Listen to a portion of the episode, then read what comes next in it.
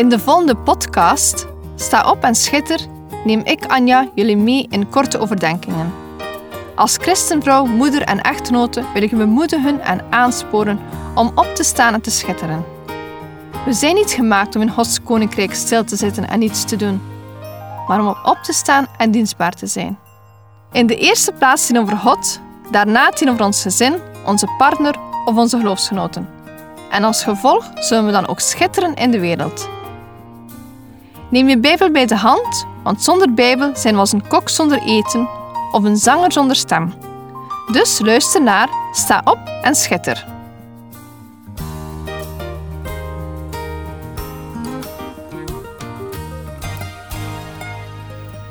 Afgelopen maanden waren voor mij zeer hectisch. De verhuis, verbouwingswerken van onze woning en de verandering van werk en kerk. Dit alles zorgde ervoor dat ik volledig uit mijn vaste ritme was geraakt. Ook het vele lawaai en stof had mijn vreugde wat aangetast. Vrienden en familie begonnen dit ook te merken en gaven het advies rustiger aan te doen. Neem je de tijd met die verbouwingswerken. Het klinkt juist, maar in mijn hoofd gaat het anders. De winter komt eraan. Verwarming in een badkamer zou wel leuk zijn. Als we goed doordoen, zijn we ook snel door al het stof heen. Toen ik een telefoontje kreeg van een oude dame uit mijn vorige kerk, drong het tot mij door. Zij had totaal geen idee over ons hectisch bestaan en uit het niets zei ze dat ik het rustiger aan moet doen. Na dit telefoontje dacht ik terug aan mijn uitzending van hectiek. Wat had ik nu alweer geschreven? Ik las mijn eigen podcast terug, waar staat: Ik denk dan ook als het thema hectiek velen zal aanspreken. Nu kan ik wel zeggen dat onze verhuis voor heel wat drukke dagen zorgt. Gelukkig is het een drukte die ik aan kan en nog niet hectisch wil noemen. Maar als ik denk aan de komende zomer, aan de vele verbouwingswerken, dan bekruipt mij wel eens een angstig gevoel dat dit een hectische periode zal worden. Terwijl ik maar al te goed weet dat ik me niet bezorgd moet maken over de dag van morgen. Want de dag van morgen zal zich wel bezorgd maken over zichzelf. Iedere dag heeft genoeg aan zijn eigen kwaad, zoals Matthäus het zo beschrijft in hoofdstuk 6, vers 34. Deze woorden had ik echt nodig. Wees niet bezorgd. Ik nam toen de tijd om even buiten de tuin tot rust te komen en te bidden. Het was in de late namiddag en er was niemand meer aan het werken in ons huis. De stilte was zalig. Geen geluid van boormachines, hamers of andere werktuigen. De stilte. Alleen God was bij mij. Ik las toen Psalm 131 in de herziene statenvertaling waar staat: Heere, mijn hart is niet hoogmoedig. Mijn ogen zijn niet trots. Ook wandel ik niet in dingen die te groot en te wonderlijk voor mij zijn. Voorwaar, ik heb mijn ziel tot rust en tot stilte gebracht. Als een kind dat de borst ontwend is bij zijn moeder. Mijn ziel is in mij als een kind dat de borst ontwend is.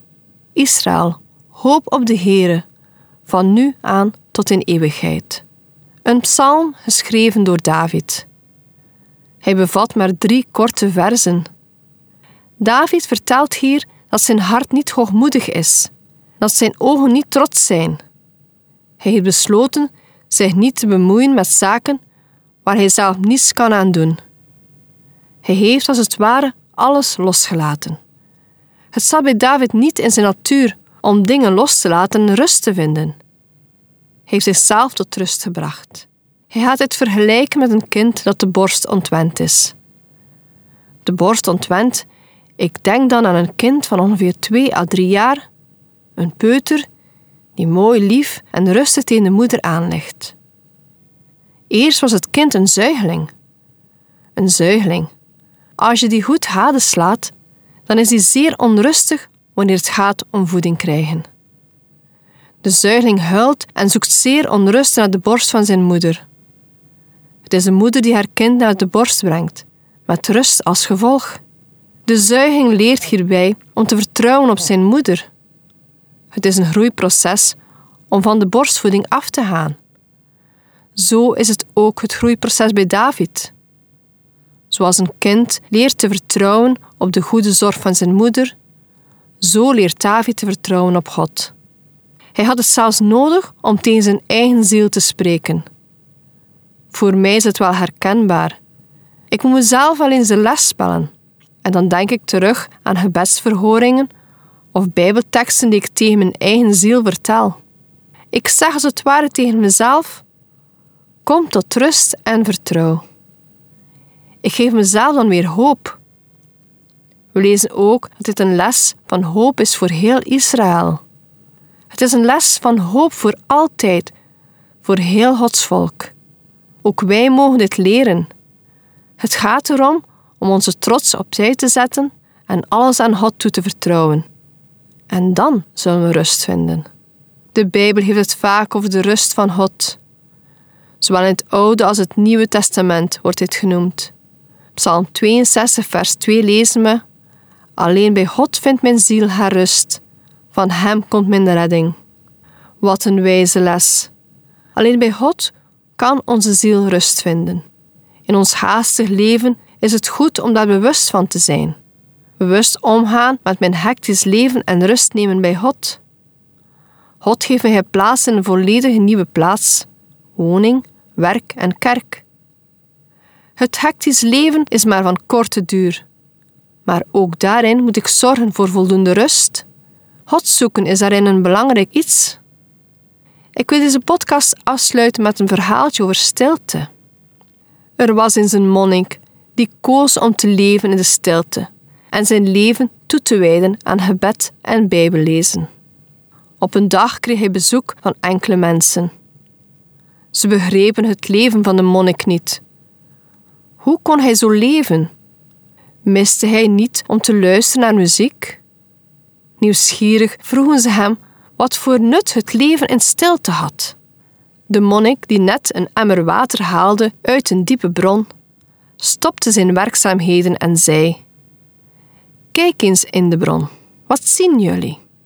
De mensen tuurden naar het water en zeiden: We zien helemaal niets. Enige tijd later herhaalde de monnik zijn vraag: Kijk weer in de bron, wat zien jullie nu? De mensen keken weer en zeiden opgetogen: We kunnen in de weerspiegeling onszelf zien. Dat is de kracht van de stilte, legde de monnik uit. Ik was water aan het putten en daarom was het water onrustig. Nu is het rustig en kunnen jullie jezelf zien. De stilte van meditatie zorgt ervoor dat je jezelf kunt zien. Maar blijf nog even hier wachten dan laat ik je straks nog iets zien. Na enige tijd vroeg de monnik om terug in het water te kijken. Wat zien jullie nu? De bezoekers staarden in de bron en riepen uit: Nu zien we de stenen op de bodem van de bron. Juist, beaamde de monnik.